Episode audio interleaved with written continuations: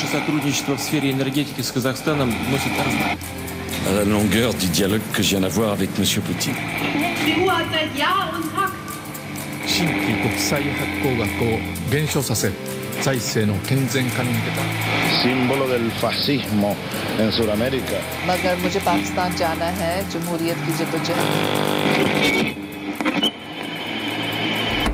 Mali, en nasjon prega av hunger, klimaendringer og militante konflikter. Befolkninga sitter uten mat, uten ressurser og uten noen form for trygghet. Det ser ikke ut til å ligge en løsning i næreste framtid, og befolkninga må fortsatt leve i uvissa. Uvissa om det har vært et måltid på bordet, og uvissa om krigen vil ta slutt. Mali er en nasjon preget av indre konflikter, med minoriteter som gir opprør, terrorgrupper som slår rot, og tilstedeværelsen til utenlandske aktører. Vil vi se nærmere på hvem er det som er involvert i disse konfliktene som nå herjer nasjonen? Hvilke aktører er på banen? Hvem gjør hva? De samme nasjonene som nå er inne i Mali med militære styrker, har også sine særinteresser i landet. Hvilke interesser er dette? Hva er det vestlige makta har å tjene på å stå Mali til assistanse? I tillegg skal vi få et intervju med NUPI-forsker Jon Karlsrud og ukas kommentar om Mali og klimaendringene av vår medarbeider Sissel Alice Refsdal. I dagens studio har jeg med meg Truls Moltebakk og Fredrikka Gudmundsdottir Støle. Mitt navn er Daniel Gangeskar. Jeg skal leie dere trygt gjennom den neste timen her på Studentradioen i Bergen. Mitt navn er Jørgen, jeg kommer fra Banalpolitikk, og du hører på utenriksmagasinet MIR. Det gjør du. Du hører på utenriksmagasinet MIR her på Studentradioen i Bergen. I dag skal vi prate om Mali, men før vi begynner på selve konfliktene som nå herjer nasjonen, så må vi legge et lite grunnlag her, Truls. Og kan du gi oss litt bakgrunnsinformasjon om nasjonen Mali? Ja, altså Det er en innlandsstat i Vest-Afrika, et veldig stort land, fire ganger større enn Norge. Eh, Det var en fransk koloni fram til 1960, og har siden det vært prega av ganske mye uroligheter. Men Mali har jo òg en ganske ensidig økonomi, Frikka. Ja, 80% jobber i landbruk, eh, mens bare 10% av landområdene i Mali er eh, skog. Svært uformell økonomi, mye korrupsjon, eh, mye maktmisbruk, eh, veldig lite infrastruktur osv. Og I tillegg så er det jo eh, et av verdens 10-15 fattigste land, og det er jo selvfølgelig noe av det som er årsaken til konfliktene. Men det som vi nå har foran oss, nasjonen Mali, det er gjerne en nasjon eh, vi i Norge har lite forhold til. Det er gjerne en nasjon vi driver lite handel med, og det er ikke minst en nasjon vi kanskje hører eh, ekstra lite om i media, Truls. Hvorfor, eh, hvorfor er det på den måten? Det er jo et, et, nettopp et land som Norge ikke har så veldig mye med å gjøre. Og så er det jo, i og med at det er en liten økonomi, så er det liten handel med Mali. Og vi hører kanskje mest om Mali når det er snakk om fotball, da de har et ganske godt eh, fotballandslag. Men fins det her eh, noe, noe mer eh, med Mali, Frikka? Ja, altså det er jo 16 millioner, eh, millioner innbyggere. Eh, over eh, 15 000 blir drevet på flukt eh, hvert år pga. den forverrende eh, ja, klimaet som er der. Det, Sahara-ørkenen begynner å gå lenger og lenger inn i landet. Eh, og det blir svært vanskelig for den gjennomsnittlige mal malisiske innbyggeren å overleve. Konfliktene som preger Mali, handler jo veldig mye om, en, om forholdet mellom sør i landet og nord. Sør er med et mer tropisk klima, mer fruktbar jord, eh, elver som går gjennom landet, og mye folk, mens i nord så er det ørken og slettelandskap og en liten befolkning som føler seg undertrykt. For skal vi klare å plassere Mali litt mer nærmere geografisk, så er vel Mali en nasjon som bl.a. krysser eller grenser til eh, Algerie på ene sida og Sahara på eh, den andre. Ja, eh, Algerie i nord eh, med Sahara-ørkenen, og så har du Afri Afri mer sø under eh, afrikanske land som ligger sør for Sahara eh, i øst, med Niger. Du har eh, Burkina Faso eh, og Benin, blant annet. For det kan jo trygt sies det, Fredrika, at Mali ligger i en ganske prega region. Det ligger i en region hvor fattigdommen er stor, hvor det er vanskelig å drive handel, og hvor vi kanskje har sett at flere flere, flere, flere terrorgrupper har fått et kraftigere fotfeste de, de siste årene. Ja, eh, vi har sett at eh, bl.a. Eh, en regional gruppe, Al Qaida, har fått sterk fotfeste der. Det kan man også se på pga. fattigdommen og elendigheten som disse menneskene lever i. Så er terskelen for å bli med i disse terrorgruppene svært lav, og de tror at de kjemper for da et bedre liv. Men kan man si at eh, en del av grunnen til at Mali står som det står, er jo at eh, det var en tidligere fransk koloni, og når Frankrike bl.a. gikk ut av Mali, så tok de jo med seg det meste av det som eksisterte av infrastruktur, eh, Fredrika? Ja, vi så jo at når Frankrike dro, så drev de jo og rev opp veier og mye av infrastrukturen som de hadde satt inn i landet når det var en koloni. Eh, overgangsregjeringen som de satt på plass eh, før altså det skulle bli førstevalget, var svært eh, dårlig valgt ut med tanke på at alle de forskjellige folkegruppene skulle få representasjon. Den var eh, svak, eh, og det var fortsatt mye uro i landet.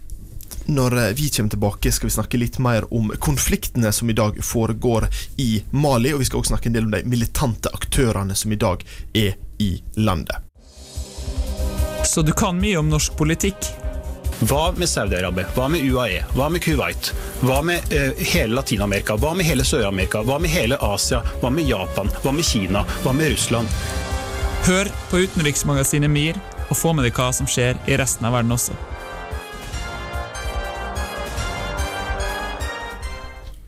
Konfliktnivået i Mali er skyhøyt, det er høyere enn noen gang, og det er òg en stor andel militante aktører i dag i Mali. Og Truls, hvem er de militante aktørene? For det første så har vi jo regjeringa i Mali i sør, eh, som er støtta av Eller ikke direkte støtta av FNs fredsbevarende styrker, men som jobber for samme, på en måte i samme retning som FNs fredsbevarende styrker fra land i hele verden. For vi har jo Frankrike ganske tungt inne i Mali nå. Vi har FNs fredsbevarende styrke. Det er gjerne de to største militante aktørene i den forstand. Men hva er forskjellen på Frankrike og FN der? Jo, FN er jo en, en fredsbevarende koalisjon. Blant annet Bangladesh, Tsjad og Niger veldig viktige aktører. I tillegg til andre vestlige land. Norge har 71 med militære styrker i Mali, mens Frankrike var jo eh, en militær offensiv som starta i 2013 og drev tilbake opprørerne og har holdt seg inne siden det. Frankrike kom altså inn i Mali i 2013 med militære styrker, og nøyaktig hvorfor gjorde de det, Fredrika? Nei, det var veldig store bekymringer eh, av den malisiske presidenten på det tidspunktet, for de så at opprørsstyrkene eh, nærmet seg hovedstaden, og da spurte de Frankrike om hjelp. Frankrike valgte da å rykke inn, samtidig som et ekkovass eh, invasjon eh, ECOWAS-styrkene ble satt inn og fremskyndet den operasjonen, men de trakk seg også kjapt tilbake og kom tilbake som FN-styrker. Årsaken starta jo eh, i 2011 ved at eh, Libya sin diktator Gaddafi ble styrta. Han hadde altså Tuareg-soldater i sine personlige styrker som kom tilbake til Mali, der, de, der tuaregene også bor, med våpen og med militære styrker. For det som kanskje er et framstående problem i Mali akkurat nå, er at det er mange militære styrker som på samme tid er i en full offensiv. Det er FN, det er Frankrike, og det er ulike terrorgrupper, Fredrika? Ja, eh, tuaregene startet en, en, gruppe som skulle da eh, kjempe for at nord skulle bli en egen selvstendig stat. Eh, de går under navnet MNLA. De kjapt eh, gikk ut og eh, ja eh, joinet to andre islamistiske bevegelser. Eh, det gikk helt fint til de klarte å ta over Nordregionen, og de islamistiske styrkene snudde seg mot dem. Ja, det var jo sånn, altså Så lenge eh, frihetsstyrkene til tuaregene og islamistene kunne kjempe mot regjeringa i sør, så holdt de i lag, men med en gang de erklærte sin selvstendighet, så brøt det opp konflikt, intern konflikt. Eh, tuaregene i MNLA vil ha selvstendighet, mens eh, islamistene eh, og Al Qaida-gruppene først og fremst vil ha eh, eh, sharialov og streng islam i hele Mali. Men hva det er som har gjort at disse to gruppene kanskje har eh, funnet sammen, Fredrika? Det tror jeg har mye å si med at uh, de har ikke hatt så mye annet valg. Uh, de har blitt uh, marginalisert i mange, mange tiår. De føler seg ikke hørt, ikke tatt på alvor. Så kommer det to grupper med våpen og kamptrening og tilbyr dem å slåss med dem for saken deres. Og da har de ja, naturligvis gått med på det. Det var dette her som førte til at Frankrike gikk inn, fordi denne koalisjonen av opprørere eh, nærma seg hovedstaden. Og Frankrike klarte jo i 2013 ganske effektivt å drive dem tilbake og ut av de store byene i landet. Og nå er det altså mer litt geriljatendenser med at de holder til ute i øde områder og angriper sporadisk her og der. Men kan det være rett å si at eh, Mali per i dag er på en måte som et stort spillbrett, der det er uante med brikker i, eh, i eh, omgang? Det er kanskje ikke like kaotisk som f.eks. Syria, men det er definitivt mange aktører med veldig ulike interesser. Det er ikke en ensidig sør-nord-konflikt, det er en, en, veldig kompleks konflikt. og Det er det som har gjort at det er veldig vanskelig å løse konflikter. Når eh, vi kommer tilbake, så skal vi ha et intervju her i studio med NUPI-forsker Jon Karlsrud. Han eh, deltar via Skype og skal òg snakke litt mer om styrkene man jobber mot i Mali. Mir var en sovjetisk romstasjon som i utgangspunktet var bygget for å vare tre år. Den varte til sammen 16. Som sin navnebror strekker utenriksmagasinet MIR seg ekstra langt for å gi deg det beste utenriksstoffet. Det er helt eh, korrekt. Du lytter nå til utenriksmagasinet MIR her på studentradioen i Bergen. Og nå har vi fått eh, med oss en gjest via Skype, nemlig NUPI-forsker Jon Karlsrud. Velkommen så mye til deg. Takk. Så, etter angrepet på Redison Blue-hotellet i august 2015 har Mali stadig falt mer og mer ut av medias søkelys. Men likevel så fortsetter det å være et av de farligste stedene for FNs fredsbevarende styrke i verden. Det har kosta over 100 FN-soldater livet hittil. Hvordan ser egentlig den sikkerhetspolitiske situasjonen ut i Mali i dag? Det fortsetter å være svært ustabilt og ikke minst farlig for eh, FNs fredsbevarende operasjon. Men eh, jeg tenker man, først må vi se på hvor mange som faktisk har dødd av angrep. og Da ligger vi vel på noen og 70. Eh, det er en god del som, av disse som har dødd i, rett og slett i ulykker. Men det er ikke noen tvil om at det er en farlig operasjon for FN. Det er det jo mange gode grunner til. Uh, men er man inne her i en nasjon som, dersom ting nå eskalerer, kan begynne å minne om eh, Syria? Kan begynne å minne om Nigeria og Boko Haram? Ja, det er flere faktorer her. Uh, historisk sett så har tuaregene i nord ønska større selvstyre for uh, sin region, og har vel uh, ikke hatt mye innflytelse. Så det, det er en, en, en, lang periode med marginalisering vi ser. Og, og det kravet om selvstyre det har vel heller ikke blitt møtt i særlig grad etter at konflikten la seg. Eh, jeg vet ikke om du har gitt noen bakgrunn for det her før jeg kom på, men, men det var jo da i 2012 så tok tuaregene sammen med noen av islamistene kontroll over nordlige delen av Mali. Eh, og I starten av 2013 så kom da franskmennene eh, med en styrke og tok tilbake kontrollen over de, de områdene eh, sammen med afrikanske styrker.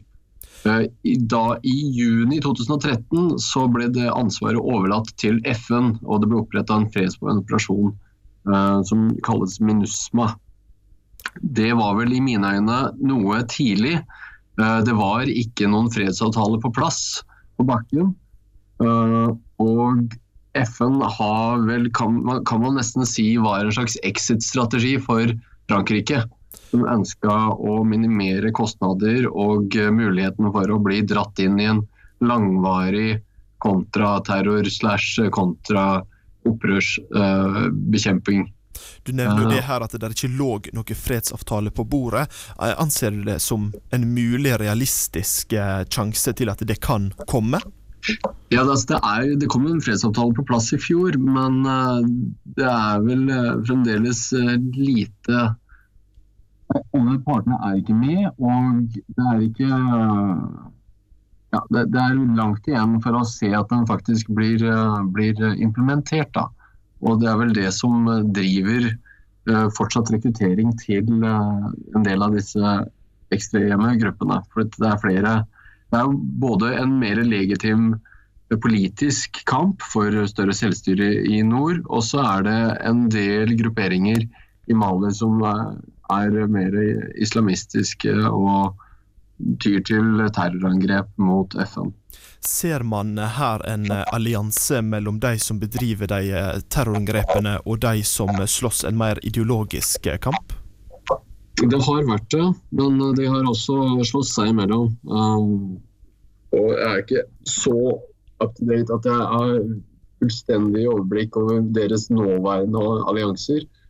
Uh, og ikke og, og skillelinjene der. Men det som er f.eks. ganske synd, da, etter at FN kom inn i 2013, og da var det jo i all hovedsak kontroll over mesteparten av landet, med unntak av de aller nordligste delene, er at uh, nå er det på midten av Mali som er i ferd med å destabiliseres. Og en gruppe Det ser dessverre ut til at Jon Karlsrud der falt ut. Vi takker så mye for intervjuet. For instance, there are prejudices about the age at which people can begin a new career. I will not make age an issue of this campaign. I am not going to exploit, for political purposes, my opponent's youth and inexperience. Det er aldri for sent å lære noe nytt. Utenriksmagasinet MIR hører du mellom 11 og 12 hver fredag på Studentradioen i Bergen.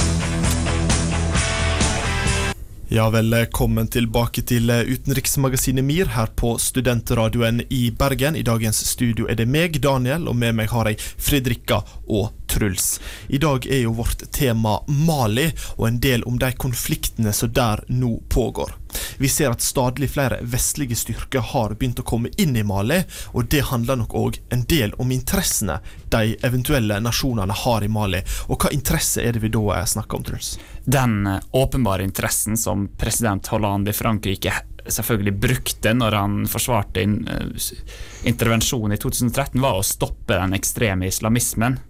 Det her er jo, Den nordlige opprørskoalisjonen har jo innført sharia, kvinner må dekke seg til, og det er forbudt med musikk og dans og en, sånne ting. Og man er redd for at uh, islamismen skal spre seg til hele Mali og til andre land i regionen. da. For det er jo gjerne det som er blitt, blitt brukt som argumentasjon av en rekke eh, nasjoner som har gått inn i Mali for å bidra med, med militært personell. Det er nettopp det med kampen mot, eh, mot islamismen, Afrika.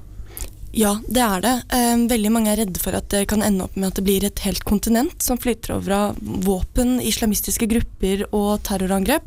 Vi ser jo fortsatt at landet, sånn som Russlands utenriksminister som betegnte, flyter over av våpen etter, etter krigen og fallet til Libya. Jepp. Og det er altså Al Qaida in the Maghreb, bl.a. grupper som har vært, stått for mye av konfliktene. Dette er en gruppe som ønsker, ønsker islamistisk revolusjon i Algerie, nabolandet Algerie i nord, og som da har eh, kommet også til Mali for å kjempe mot regjeringa som sitter der. Men går vestlige nasjoner som Frankrike, som Norge, som Storbritannia inn i Mali fordi man her frykter at Mali skal bli et slags nytt Nigeria, der Boko Haram, Boko Haram kontrollerer store, store landområder, og der nå vestlig handel nesten ikke foregår, Truls? Altså, Man gjør jo det, men det er jo ikke kun for malisere sin skyld. Det er jo selvfølgelig også pga. egne interesser. Det er jo Spesielt Frankrike har jo koloniarven, og har jo også etter 1960, når Mali ble uavhengig, hatt stor handel og mye næringsvirksomhet i landet. For man ser vel her stadig ei mer utbredt misnøye med tidligere kolonimakter, og er det gjerne noe av det som kan være grunnen til at dette her er begynt å spire så kraftig, Fredrika? Ja, man kan se det, eh, se det veldig tydelig blant de malissiske innbyggerne. Eh, Frankrike har jo på én side eh, ja, reddet de fra de islamistiske opprørsgruppene, men samtidig også eh, hjulpet til å redde ut en av Malis verste diktatorer gjennom tiden. Men eh, nå snakker jo vi litt tidligere her om at Mali er jo et, et land vi sjelden driver handel med. Hvorfor skal Norge gå inn med, med styrke når vi ikke har handelsinteresse der, Fredrika? Mali ble jo utnevnt til et fokusland av Norge i 2015. Eh, vi gikk inn med over 200 millioner, eh, millioner kroner i bistand som skulle gå til eh, nødhjelp, skolegang og bekjempelse av islamistiske opprørsgrupper. Og Norge er jo med som en del av den FNs fredsbevarende styrker med 71 nordmenn i Mali i øyeblikket, så vi har jo ikke en enorm eh, involvering der. Men for Frankrike så er det jo klart at det handler også om mineraler, om gull og ikke minst om uran. da. For eh, det vi ser her eh, på mange måter er vel at det er kanskje ikke nasjonen Mali som gjør at vestlige nasjoner går inn. Det er gjerne regionen Mali er, er plassert i, med tanke på at Norge òg nå starter ambassade. Tidligere i september ble det vedtatt at Norge skulle få ambassade i Mali for å bidra i, eh, i et slags fredsprosjekt. Truls. Ja, altså tuaregene som er sentralt i konflikten, er jo folkegrupper som også er i Libya, Algerie, men også i Nigeria og Niger. Og Frankrike er jo veldig redd for at konflikter skal spre seg til Niger, for det er der man får all uran som driver energiproduksjon i Frankrike, i de kjernekraftverkene i Frankrike. Det er de livredde for at skal, den tilgangen skal stoppes. Eh, vil du si deg enig Fredrika, med at Mali, hovedinteressen for vestlige nasjoner der, er å ha en stabil eh, samarbeidspartner? Nei, det vil jeg ikke. Jeg vil si at det er mye større fokus på eh, den internasjonale rollen som Mali har, og nabolandene, enn det det kanskje er i selve landet Mali. Når eh, vi kommer tilbake, skal vi snakke litt mer om konfliktene. Hvordan kan vi løse dem? Hei, det er Marte fra Jentegarderoben. Du hører på utenriksmagasinet Nyere. Der traff eh, Marte spikeren på hodet. Du lytter til utenriksmagasinet MIR her på Studentradioen i Bergen.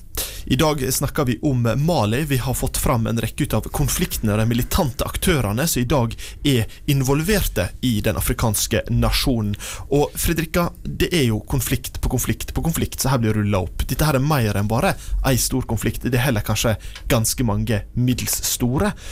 Hva er mulighet for å, for å løse disse konfliktene? Jeg tror det er veldig eh, viktig for eh, alle land som er involvert i FN sin styrke, at man istedenfor å bare gi ren uhjelp, også gir selv, eh, hjelp til selvhjelp. Her må det ja, i hvert fall politikere på banen. Eh, ny regjering må bli satt. Eh, tuaregene må få representasjon. Det kommer jo da forhåpentligvis til å avslutte konflikten med MNLA.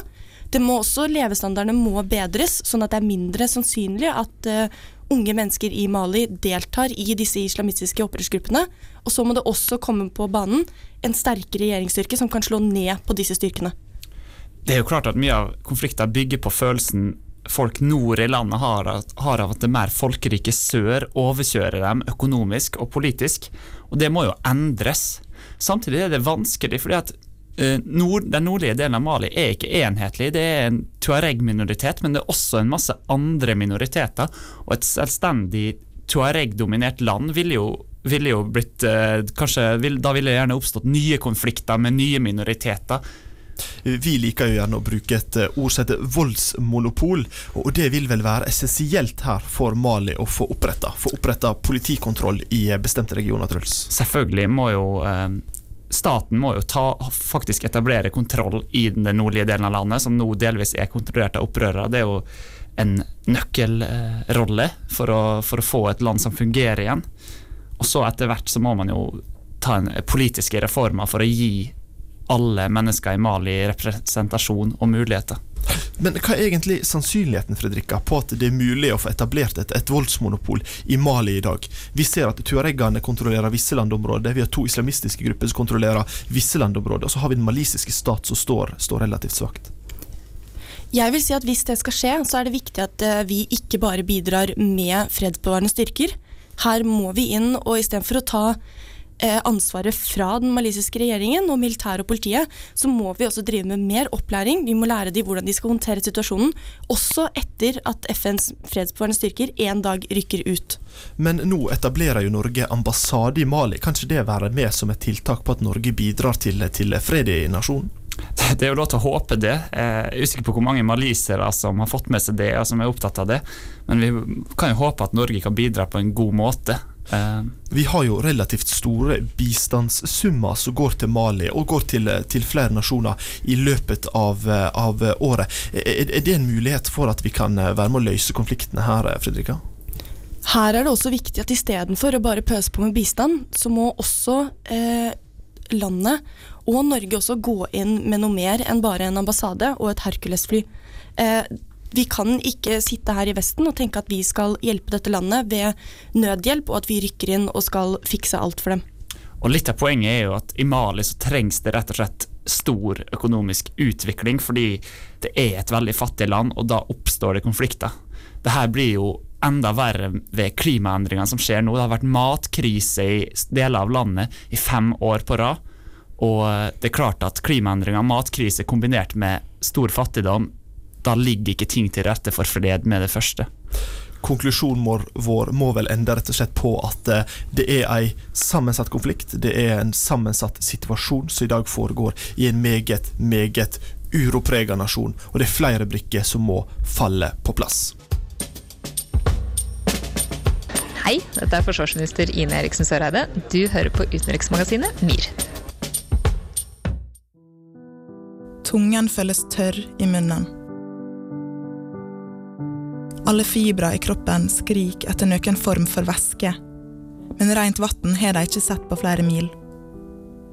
Elva Niger, som de var avhengige av for vann, mat og transport, er forurensa.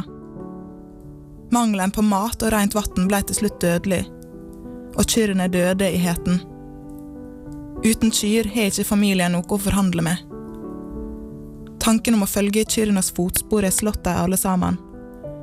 Men de går videre, uten annet alternativ. Dette er realiteten for klimaflyktningene i Mali. Mali er et av landene i verden som er mest sensitiv overfor temperaturstigning. Mye av grunnen for dette er landets plassering i forhold til Sahara-ørkenen. Den spiser innover i landet og brer seg utover de dyrebare og fruktbare landområdene i sør, som Mali så sårt trenger for å drive med hovednæringa si, nemlig jordbruk. Litt over 80% av Malis befolkning er ansatt i jordbruket, og jordbruket står for 50% av landets brutto nasjonalprodukt. En temperaturstigning på over 1,5 grader celsius vil kunne være fatal, både for avlingen, dyreholdet og befolkningen. Estimasjoner gjort av FNs klimapanel tilsier at Mali innen år 2025 vil ha 250 000 barn som lider av kronisk underernæring, og global oppvarming vil være ei av hovedårsakene. Avskoging og tørke fører til tap av vegetasjon, vannforekomster og dyreliv. Ytterligere konsekvenser er hungersnød, tap av husstander og redusert helse i befolkningen. Hungersnød i befolkningen og underernæring hos barn fører videre til tap av millioner av dollar i økonomisk fortjeneste for landet.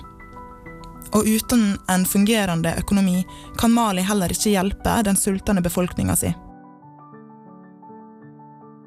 Afrika er kontinentet det estimeres kommer til å rammes hardest av global oppvarming, og Sahel-regionen, som Mali er en del av, er allerede offer for forørkning. Den kroniske tørken som sprer seg i regionen, påvirker Malis agrikultur, og for å overleve må flere hundretusener av Malis befolkning i dag flykte heimene sine etter tørkesesongen eller permanent. Konsekvensene av global oppvarming henger alle sammen, er enorme og kumulative. Og under FNs klimatoppmøte i Paris i fjor ba delegater fra 54 afrikanske nasjoner, deriblant Mali, om at tiltakene skal være like omfattende. Med bare en prosentandel av resten av verdens klimautslipp kan det synes urettferdig at Afrika tar den største støyten når det kommer til klimaendringene global oppvarming fører til. Afrika vil nemlig rammes av 50% høyere temperaturøkning enn det globale gjennomsnittet. Mali. Et land prega av økende hungersnød, tørke, indre uro og terror. Et land med familier på flukt fra et klima som ikke lenger er levedyktig. Et land hvor tida snart renner ut.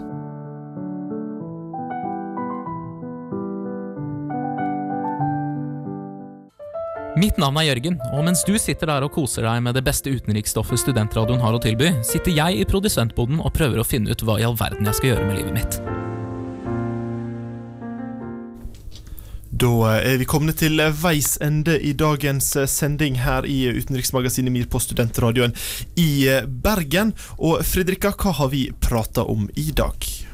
Vi har fått litt bakgrunnsinformasjon på Mali, samt at vi har sett på hvilke militære aktører som er i landet, og hvilke konflikter som i dag utspiller seg i nasjonen. I tillegg har vi sett litt på utenlandske interesser. Frankrike vil stoppe spredninga av ekstremistisk islamisme, men i tillegg vil de ha tilgang på gull, mineraler og ikke minst uran til atomkraftproduksjon. I tillegg har vi sett på mulige løsninger på konflikter. Den maliske staten må ta tilbake voldsmonopolet sitt og forhandle fram en fredsavtale, men man trenger også økonomisk vekst og håndtere klimaendringene for å få varig fred. Vi har òg hatt et intervju med NUPI-forsker Jon Karlsrud, som omhandler en del om de ulike gruppene som i dag utspiller konfliktene i Mali. Vekas kommentar er levert av vår medarbeider Sissel Alice Refsdal. Tusen hjertelig takk til dere to som kunne komme her i studio med meg i dag, Fredrika Gunnmusdottir Støle og Truls Moltubakk. Tusen hjertelig takk til vår kjære produsent Jørgen Berner Wilhelmsen. Mitt navn er Daniel Gangskar. Jeg vil bare ønske alle sammen ei riktig god helg, og nyt desember.